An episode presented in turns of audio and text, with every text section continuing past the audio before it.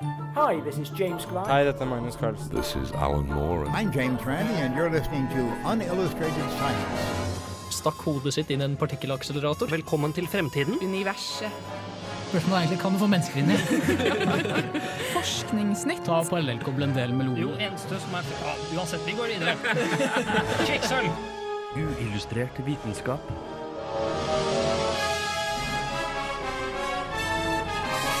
Science, works, bitches. I denne ukas Uillustrert vitenskap skal du bl.a. høre om vann på Mars, nordlys, bruk av alger i batteriproduksjon, hvordan epigenetikk kan være koblet til homofili, og at det er funnet et globalt hav på Saturn's måne Enceladus.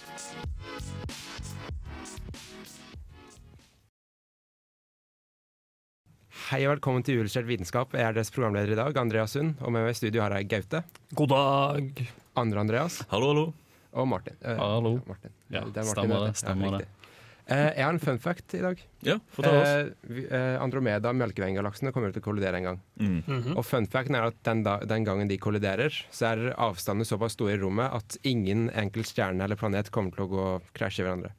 De vil bare gå gjennom hverandre. Det eneste som vil påvirkes, det er tyngdekraften da, og fordelinga i galaksen. Øy. Ganske smooth. Eh, dere skal snart høre meg snakke om vann på Mars, men først skal vi høre sangen uh, 'Smoke' av Forever Light.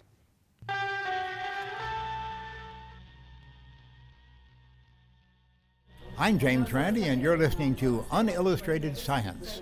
Absolutt alle livsformer vi vet om avhenger av vann for å eksistere. Noen av dem trenger svært lite av det, eller kan leve i svært lange perioder uten det, men alle trenger vann på en eller annen måte. Vi har lenge visst at det en gang var flytende vann på Mars. Spørsmålet har vært om det fortsatt er der. Og det har virket ganske usannsynlig i og med at den gjennomsnittlige temperaturen på planeten er minus 63 grader. Men nå har vi gladnyheter, for NASA har faktisk funnet vann på Mars. Flytende vann.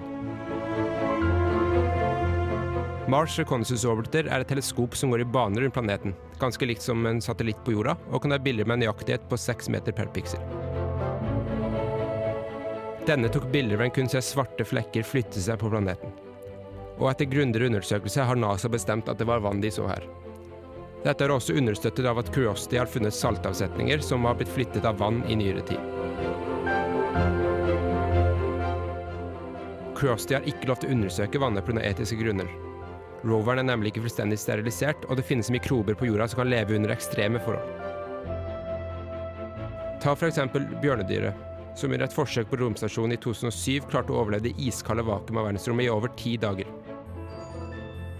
Det er fullt mulig at et slikt dyr har kommet med til Mars, og det er dermed uetisk å undersøke vannet, for de kan utelukke all mulighet for at det kommer mikrober med den. Men selv om den ikke kan undersøke vannet på kloss hold, kan den undersøke det fra avstand med laser og annet utstyr. Og en dag sender vi sikkert opp noe som er steril nok til å bade i det. Men inntil da får vi bare vente. Ja, så der hørte dere altså meg snakke om vann på Mars. Er det noen som har noen spørsmål til saken? Ja, eh, for du sa at det var, eh, var det gjennomsnittstemperatur på minus 63 grader. Ja, Og da, da snakker vi celsius. Celsius. Minus 63 grader celsius. Og allikevel så mener de at det er flytende vann der. Ja, siden det er jo et sånn fenomen, fenomen, eh, i, i kjemien som vi kaller frysepunktdepresjon. Oh, ja. Som sier at eh, salter kan eh, øke, eller eh, redusere fryse- og kokepunktet til vann. Det er jo det samme fenomenet vi ser på vinteren når vi legger salt på veien for at det skal smelte fortere. Altså, så hvis du legger til skikkelig skikkelig mye av sånn skikkelig farlige salter til vann, så klarer du å få det sånn at det er flytende ved negative 63 grader. Så er det riktignok kanskje ikke så kaldt, da. Eh, Det vannet de fant var mest sannsynlig under overflaten. Mm. Og så har de bare sett det piple opp til Ja. overflaten. Ja, mm.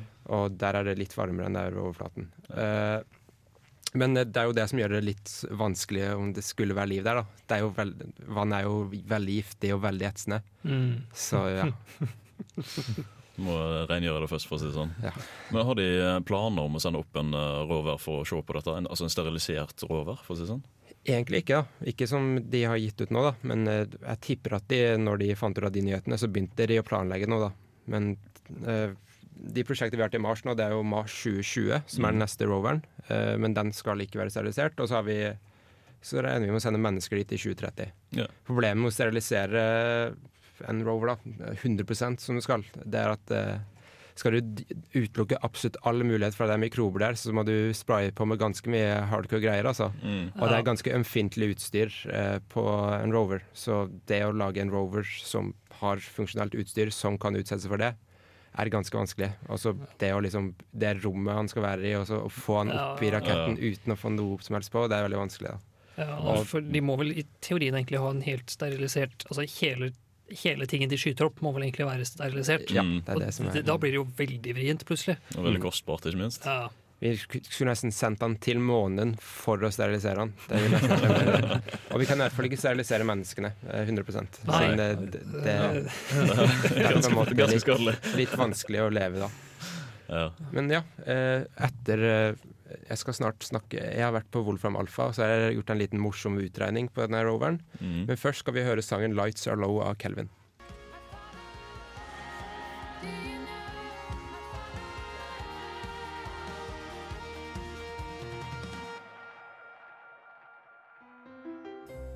Hmm. Kanskje hvis jeg gjør Nei. Jo! Aha! Hæ? Ja, men Hvis vi skulle tenkt oss at Curiosity faktisk hadde lov å undersøke vannet, hvor lang tid ville det tatt for henne å kjøre dit? Ja, så jeg brukte alle de matematikkunnskapene jeg hadde fått eh, fra barne- og ungdomsskolen og videregående til å liksom få til dette her. Så jeg for Ingenting kalkulus også? Ja, ja, for kalk, absolutt. så jeg gikk inn på eh, Wolfram Alpha, så fant jeg ut posisjonen til vannet og Curiosity, roveren. Og Curiosity befinner seg ved 4,40 grad- 4,40 grader sør og 137 grader øst. Mens eh, vannet befinner seg i Valles Marineres-regionen ved 12,9 grader sør og 295 grader øst. øst ja. Mm. Eh, så putta jeg inn avstand mellom disse punkt, to punktene hvis det var på jorda. Eh, nå er jo jorda mye større enn Mars, så det å se avstanden fra jorda ville jo vært feil. Men jeg så på eh, det andelen av omkretsen til jorda det var. Ja. Eh, så det, kunne jeg, det kan jeg jo overta. Mm. ja, Så det var 0,42 eh, av eh, omkretsen til jorda.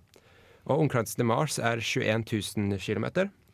Så hvis jeg ganger det med 0,42, så får jeg 8962 km.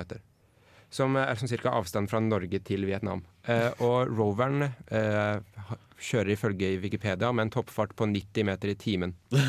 Som betyr at det ville tatt eh, 99 000 timer for den å kjøre dit. Som eh, gjort om til år er 11,3 år. ja. Så med andre ord eh, nesten når det er mennesker på planeten. Men selvfølgelig, hvis vi skulle undersøkt vann på Mars, så kunne, hadde vi nok funnet et annet sted eh, Ja. som var litt nærmere, da. Ja, Men det ser eh, det gjør vi ikke, da. Og så er vel kanskje ikke Curiosity utstyrt for å undersøke dette vannet her. Den er i hvert fall ikke laget for det i utgangspunktet. Nei, men han, han kunne sikkert fått til en ting. De, har jo sånn der, eh, de kan jo se på spekteret og alt sånt for å finne er ut eh, hvilke stoffer det består av. da. Men eh, nå skal vi høre om eh, hvordan homofili kanskje kan være uh, uh, kobla til epigenetikk, men først skal vi høre sangen 'Human Touch' av Kapakov.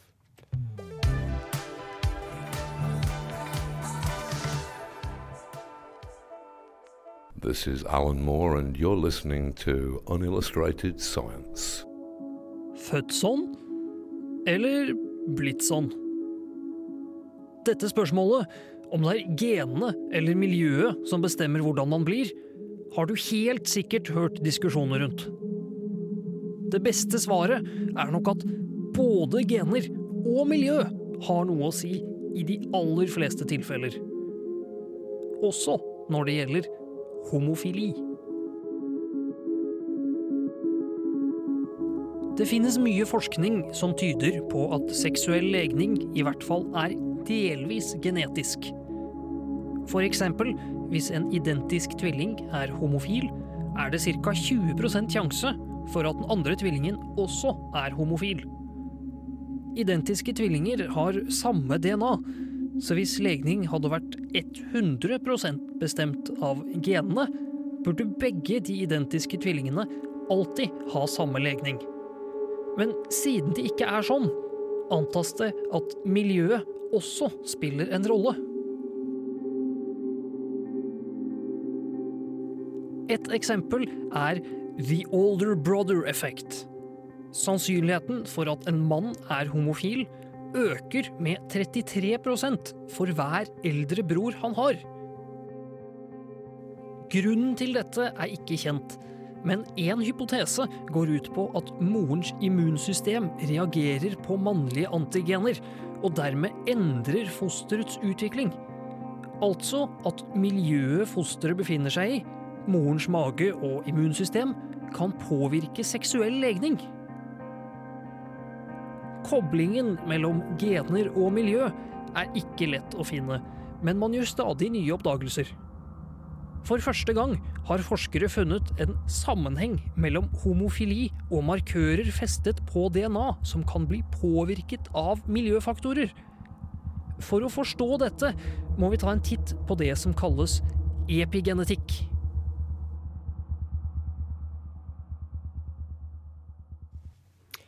Ja, du nevnte ordet epigenetikk en del ganger i denne spalten, men hva Ja. er egentlig epigenetikk? Ja, hva er så denne epigenetikken, da? Eh, det har jeg tenkt å forklare dere. Ja, Faktisk! Ja. Ja! Ja.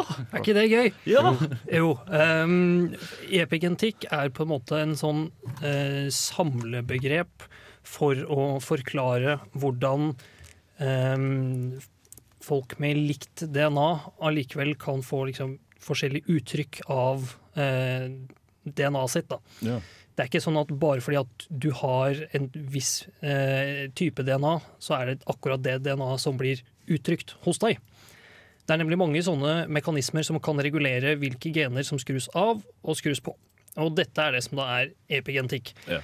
Du kan tenke deg at i alle cellene i kroppen din så har du akkurat det samme DNA. Men du vet jo også det at en hudcelle gjør ikke det samme som en celle i neglen din, for eksempel, da, eller i øyet. De har jo veldig forskjellige roller, men DNA er det samme. Så vi kan sammenligne det litt med en kokebok. Eh, skal vi prøve? Jo. Ja, så Vi lager en sånn skikkelig uh, epigentikk for dummies-versjon. Hvor du tenker at DNA-et ditt er en svær kokebok. Og I denne kokeboka så er det jo fryktelig mange oppskrifter. Men det betyr jo ikke at du alltid bruker alle oppskriftene i den kokeboka. Det er sant. Hvis du f.eks. skal eh, ja, lage risengrynsgrøt, så slår du opp på risengrynsgrøt, og så følger du den oppskriften som står der. På samme måte så vil en celle i kroppen din den vil slå opp på hva enn oppskriften er for den type celle, og så vil den bruke det som står der. Men hvordan finner den egentlig ut hvilke oppskrifter den skal bruke? Eh, og det er her så kommer disse mekanismene inn da, som regulerer på det, eh, og hvor epigentikk kan forklare noe. Mm. Og hvis du da tenker deg at eh, du, du krøller disse sidene i kokeboka di, det høres litt sånn dumt ut, da, men det er egentlig det som skjer i DNA, at de er mer eller mindre krølla. Det er i hvert fall én mekanisme. da. Ja. Så kan du tenke deg at De sidene som er veldig krølla, de er veldig vanskelig å lese noe på. Og de som er helt rette, de er kjempelett å lese på. Så da er det jo mye lettere å finne fram til det du skal ha. På samme måte så kan du sette inn sånn markører for å si at ok, den her er riktig, og den her er feil. Og noen av disse reguleringene kan arves. Ja. Hvis du f.eks. får øh, ja, gir kokeboka di videre til øh, sønnen din, da, eller noe sånt noe. For eksempel, så får han noen av de samme tingene der hvor du har krølla sider, så vil han også ha vanskelig for å lese det. Ja, sant. Hvis du overfører ditt DNA til nestemann, så vil noen eh, deler av hans DNA være vanskeligere å bruke eller lettere å bruke. Mm.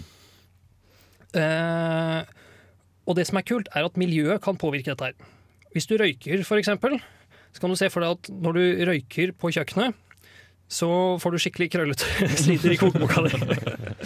Eh, det er jo ikke sånn det funker, da. Men Nei, nei, nei, hvis du ser for deg at hvis du røyker mens du eh, ja, er i kokeboka, så blir det vanskelig å lese noe som er der. Eh, og noen av disse tingene kan da overføres. Og man tror man har funnet en kobling mellom noen sånne markører, sånne krølla sider, og homofili. Ja, Akkurat. Tror man. Tror man. Ja. Studiet viser det. Ja. I hvert fall tror man at det viser. Eh, de har gått faktisk fram ganske bra, da, Ja. eh, syns jeg i hvert fall, fra det jeg har funnet. Hvor de har sett på identiske tvillinger og eh, tvilling, altså identiske tvillinger hvor begge var homofile, og hvor bare én var homofile. Ja. Så har de funnet eh, fem sånne markører som de tror eh, har noe med homofili å gjøre, men det er altfor tidlig å si hvilke miljøfaktorer som påvirker disse markørene. Da. ja, akkurat det. ja, om de egentlig har noe med homofili å gjøre. Uh, Eller at det bare er tilfeldig. eller om det bare er tilfeldig, ja. Uh, Det har også vært en del kritikk mot denne studien. da. Ja, uh, blant mange statistikere som har sagt at disse resultatene er ikke signifikante. Men det har forfatteren av studien gått ut og sagt at jo da, det er de.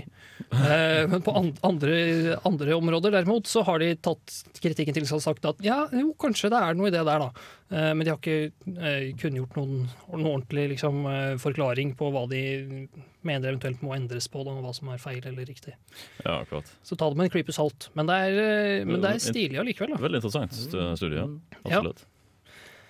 Um, er det noen flere spørsmål, eller skal vi, skal vi gå videre? Det er ingen som har noe? Nei. Eh, mange av dere så sikkert Nordlys i Trondheim forrige onsdag. Det gjorde ikke jeg, jeg var på rommet og gjorde matte. Men eh, nå skal dere høre Martin fortelle dere litt om Nordlys. Men først har vi sangen 'Sea Calls Me Home' av Julia Holter.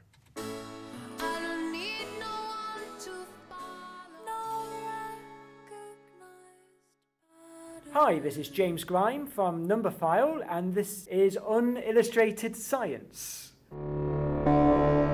I lys av dagens siste hendelser har jeg tenkt å opplyse dere om et fenomen som sikkert er kjent for folk flest. Spesielt her oppe i nord, nemlig aurora borealis, eller nordlys om du vil. Vi har ennå ikke forstått helt hvordan nordlys fungerer, men vi vet at det oppstår når en solvind, en strøm av ladede partikler, treffer jordens magnetosfære. Magnetosfæren er et magnetisk felt med poler på den magnetiske nordpol og sørpol. Den beskytter jordens overflate for en stor mengde av strålingen fra solvindene. Mengden av stråling øker ofte under en solstorm, og det er ofte da nordlys dannes. Nordlys er oftest beskrevet som gardinlignende bølger av varierende farge og intensitet. Noen ganger kan lyset dekke hele himmelen og være kraftig nok til at man kan lese en bok uten noe annet lys i nærheten. Lyset oppstår når partikler fra en solstorm treffer atomer i atmosfæren, overfører energi til atomene, som igjen eksiterer energi i form av synlig lys. Ved lavere luftlag oppstår de fleste kollisjonene pga. høyere tetthet av atomer. Her er det oksygen som er mest vanlig, og det eksiterer grønt lys. En kombinasjon av dette, og at øyet er mer følsomt for grønt, gjør at nordlys i størst grad fremstår som grønn. Nordlys kan også oppstå i andre farger, som rød og blå. Rød oppstår høyere oppe enn grønt, fordi det finnes færre oksygenatomer der. Blå oppstår lavere enn det grønne lyset pga. en høyere konsentrasjon av nitrogenatomer. Blandinger av fargene gir rosa og gul, og ofte oppstår ultrafiolett og infrarødt som en usynlig del av nordlyset. Så om du har lyst til å se dette i det virkelige liv, følg med på nyhetene, eller last ned en app. Og vær våken lenger utpå kvelden enn meg.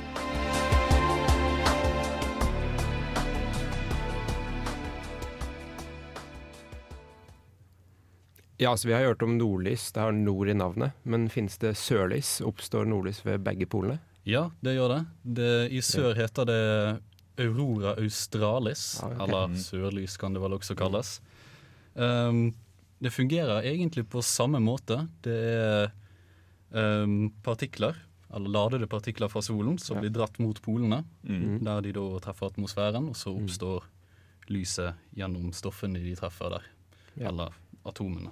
Ja, så, så er det pga. magnetfeltene at eh, de blir dratt mot pol polene, da? Ja, stemmer. stemmer. Det som er interessant, da, det er jo at eh, Nordpolen er jo jordas sørpol, så magnetisk. Ja, Og ja. så er Sørpolen jordas nordpol. Ja, det Det er er ganske forvirrende, men eh, Kompasset peker nå den veien, så Og, og Nordpolen ligger heller ikke på magnetisk eh, Sørpol, blir det vel da? Nøyaktig. det er visst eh, litt skeivhet der òg. det er det. Men altså, denne strålinga som kommer fra disse ladede partiklene, hvor kraftig kan en si at den er? Jo, der har jeg et fint eksempel. Eh, det var fra telegrafens tider. Dette var i 1859, hvis jeg husker helt riktig. Ja, i min barndom. I din barndom. Ja. Ja. Det var eh, i USA. Der var det to telegraffolk. Eh, jeg vet ikke, Telegrafoperatorer. Det blir er det. vel et pent navn for det. Eh, det var en i, eh, en i Boston og en i Portland, Maine. Ikke Oregon, Maine. ja. Ja. Eh, de drev og snakket sammen under nordlys. Og så slo de av batteriene som eh, drev telegrafene. Og så fungerte det fortsatt fordi eh, telegraflinjene eh, fungerte kun på indusert spenning fra nordlyset. Wow. Kult. Så det er litt stilig. Er Så du kan prøve sånne her eh, eh, Jeg vet ikke helt om det er kraftig nok til å få sånne her uh, lys til å fungere. Hva er det heter de lysene som man har inne i kontoret ditt? De lange Sånn Eh, lysrør. lysrør. Sånn lysrør, ja. Ja. ja for Ja. De, de kan du jo sette under høyspentledninger, f.eks. Så kan Ja. de begynne å lyse si, Hmm. på litt samme prinsipp, da. Kanskje en mulighet. Er det et nytt alternativ? eh, Klimavennlig energikilde, liksom nordlys? Eh, Bare, ja, ja. Det er bare folk eh, ved Nord- og Sørpolen som får lov å ha Altså, belysning. Norge har jo mer nordlys enn de fleste andre land, så Ja. hvis vi skal erstatte olja, så er dette veldig positivt for oss. Hvis, hvis julenissen bor på Nordpolen, så har jo han tilgang til uendelig med strøm. Eco-friendly. å Yes, sånn. yes, yes. Ergo mer julegaver. Ja, ja. Men eh, apropos altså, nordlys, det er jo veldig vanlig i, uh, å se i Norge. Finnes det noen enkle måter å finne ut når det skal være nordlys? Ja, ja, ja. Jeg lastet ned en uh, fin app. Uh, Ja. jeg nevnte en app, eller jeg nevnte at det var en app i eh, teksten, kan man si. Og den heter Sunviewer. Det er faktisk NASA sin som driver og styrer med den. Ja. Um, jeg husker ikke helt hvem det var som hadde lagt den ut, eh, det, men det er i hvert fall Den heter Sunviewer. Det er vel omtrent det første som kommer opp hvis du søker på Sunviewer, Ja, vil jeg anta. antar det. Ja, øh, den er veldig fin, for der kan du se øh, bilder fra solen, mer eller mindre direkte bilder, uten å måtte se på solen sjøl. Yes. Det jo fint. Og du kan se den i flere Du kan se den i infrarødt, og du kan se den i ultrafiolett. Du får også opp et kart som viser øh, hvor nordlyset er nå. Oh. Det er jo faktisk eh, veldig interessant og relevant. Det er veldig interessant og relevant. Så kan du dra dit. Ja. Ja, Bare hoppe i bilen. Reise helt Kjør opp til. Kirkenes. og så eh, eh, får du òg litt andre ting, men det, var ikke så, det er også en del sånn opplæringsting der. En del videoer du kan se for å lære deg litt mer om nordlys. Så, Ja. ja. Ja, eh, Nå skal Andrea snart ta dere, en, ta dere gjennom en runde forskningsnytt, men først skal vi høre sangen 'Turn Your Love' av Half Moon Run.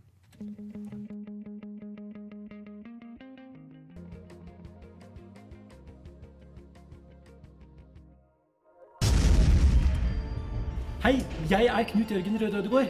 Du hører på Uillustrert, som er eh, like kraftig som en supernova, eller kanskje en hypernova. Like vakkert som en stjernehop, og like spennende som en Venuspassasje. Uillustrert vitenskap. Batterielektroder for skadelig algeoppblomstring. Et tilfelle av skadelig algeoppblomstring i Lake Erie forurensa vannsystemet i Toledo og førte til at nær en halv million innbyggere var uten drikkevann. Forskere samla inn algeoppblomstringer og viste at ved å varme opp algene med argongass til temperaturer mellom 700 og 1000 grader celsius, ble det omdannet til hard carbon, som kan brukes til lavkostnadselektroder fra natriumionbatterier med høy kapasitet. Hard carbon utvinnes ofte fra petroleum, men kan også utvinnes fra biomasse. En fordel med utvinning fra biomasse er at algen ikke krever store mengder land for å produseres, og bare krever enkel varmebehandling. Den oppdagelsen viser at algevekst har et potensial til å være et materiale for elektroder, spesielt for natriumionbatterier, som igjen har sin tur potensial til å slå ut litiumbatterier som nå dominerer batterimarkedet. Små mikroroboter som kan rydde CO2 fra havet. Nanoingeniører ved Universitetet i California har designet en ny type motor som kan brukes til å fjerne CO2 fra havet. Mikromotorene vil bruke enzymer fra omgivelsene som brensel til å kunne bevege seg rundt i havet, og dermed omforme CO2 til fast materiale som i den tilstanden kan lagres. Målet er å i framtida kunne bruke mikromotorene som en del av et vannbehandlingssystem. I eksperimentene som ble utført, dekarboniserte mikromotorene ioniserte vannløsninger som inneholdt CO2, og innen fem minutter hadde motorene fjerna 90% av CO2 fra løsninger og 88 fra sjøvannsløsning.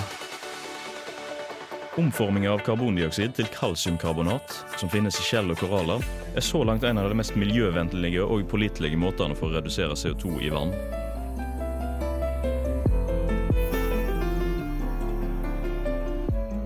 NASAs Cassini-satellitt har oppdaga hav under overflata på Saturns måne Enceladus.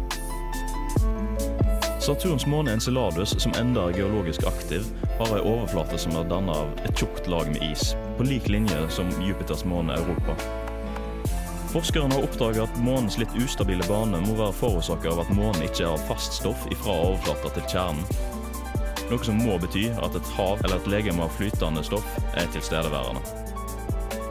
Sprut av vanndamp og ispartikler og enkle organiske molekyler fra Enceladus sydlige pol har sitt opphav fra et stort vannreservoar.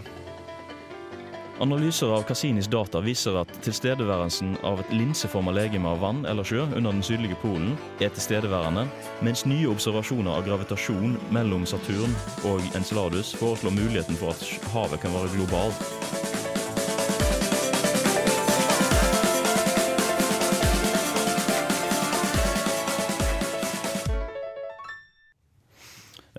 Det var det jeg fant av forskningsnytt eh, som var noenlunde relevant eh, denne tidsperioden, for å si det sånn. Det vil si de siste par ukene. Eh, hvis vi begynner med det siste, da, så snakker vi om eh, Enceladus, altså Saturns eh, måne, eh, som er eh, Cassini. eh, som er en satellitt av, eh, fra NASA. Ja. Går i bane rundt eh, denne måneden og observert den isete overflata. Mm. Og sendt data tilbake siden, til eh, jorda da, siden ja, 2000 og noe. Ganske lenge. Uh. Og eh, det den har lagt merke til, er at eh, dens bane rundt Saturn ikke er helt perfekt. Han, han går litt, Noen plasser så går han raskt, andre plasser så går han litt saktere. Og den roterer litt sånn ujevnt. På en måte Litt sånn som Pluto og måne, dens måne. Det er, litt sånn, det er ikke en perfekt bane. Europa gjør også sånn, tror jeg. Det er derfor ja. den er lik. Stemmer. Europa er lik som det. Eh, og det forskerne har funnet ut nå, basert på disse dataene her, er at siden det ikke er fast kontakt mellom overflaten og kjernen til planeten, Ja. så må det være pga. gravitasjonskreftene et flytende legeme, gjerne mest sannsynlig globalt, altså at det strekker seg over hele månen, Ja. sånn at tidevannskreftene fra Saturn påvirker planeten til å rotere ujevnt, Mm. rett og slett. Og det er jo ganske kult, for sånn som du sa, på Saturn, nei, på Europa så er det nett det samme fenomenet som de har funnet Mm. Så har vi enda et sted vi kanskje kan finne liv. Ja, eh, og det er jo sånn, De har jo funnet organisk materiale ut av disse waterspoutene som er, har vært på Sydpolen f.eks. Ja. Uh, en annen ting er det at eh, gravitasjonskreftene fra Saturn kan vise seg at skaper mer energi og friksjon enn hva han trodde, som gjør at dette vannet faktisk er flytende under planetene. Ja. Det er jo eh, ganske interessant med tanke på hvor langt vekke det ligger fra ei Mm. lyskilde sånn som sola, f.eks. Veldig kult. Eh, Eh, batterier har jo vært sånn gjennomgående tema de siste ukene. Uh, men Ja, hvorfor er uh, disse hard carbon-elektronene mer effektive enn litiumioner? Det er, jo, det er et veldig godt spørsmål. De er ikke mer effektive i, over lengre tid, dessverre. Okay. Men, det er fordi de er lagd av organisk materiale. Sånn sett. Men eh, pga. hardcarbon sin struktur i forhold til grafen sin struktur, så altså, strukturen er mer eh, feil i, og det er større rom, sånn at natriumionene kan lagres bedre. Litiumionene er, for små, rett og slett, for at de kan lagres. Uh, vice versa er det med natriumionene og grafen. De er for store for å kunne lagres veldig bra i grafen, så grafen kan ikke brukes som en elektrode for natriumbatterier. Ja, skjønner. Og det fine med denne oppdagelsen er jo at eh, de har uh, oppdaga at eh, ja, vi kan jo faktisk rydde innsjøer og ferskvann for skadelig algeblomstring. eh, og eh, samtidig produsere elektroder som kan ja, Mm. utkonkurrere litiumbatteriene fra markedet. Mm. Og få billigere batterier, rett og slett. Det er kult. Mm. Ja. eh, vi skal snart ha et ha det. Vi skal snart si ha det, men først skal vi høre sangen 'Pay No Mind' av Madion.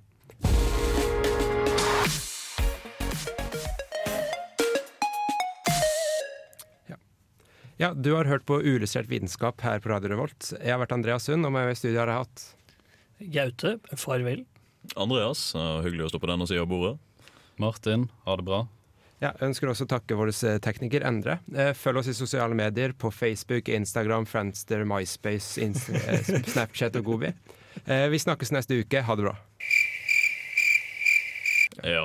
Ja. Uh, før det så uh, blir det jo uh, som vanlig å sjekke oss ut på podkast. Vi legges ut hver ca. klokka syv hver sendingsdag.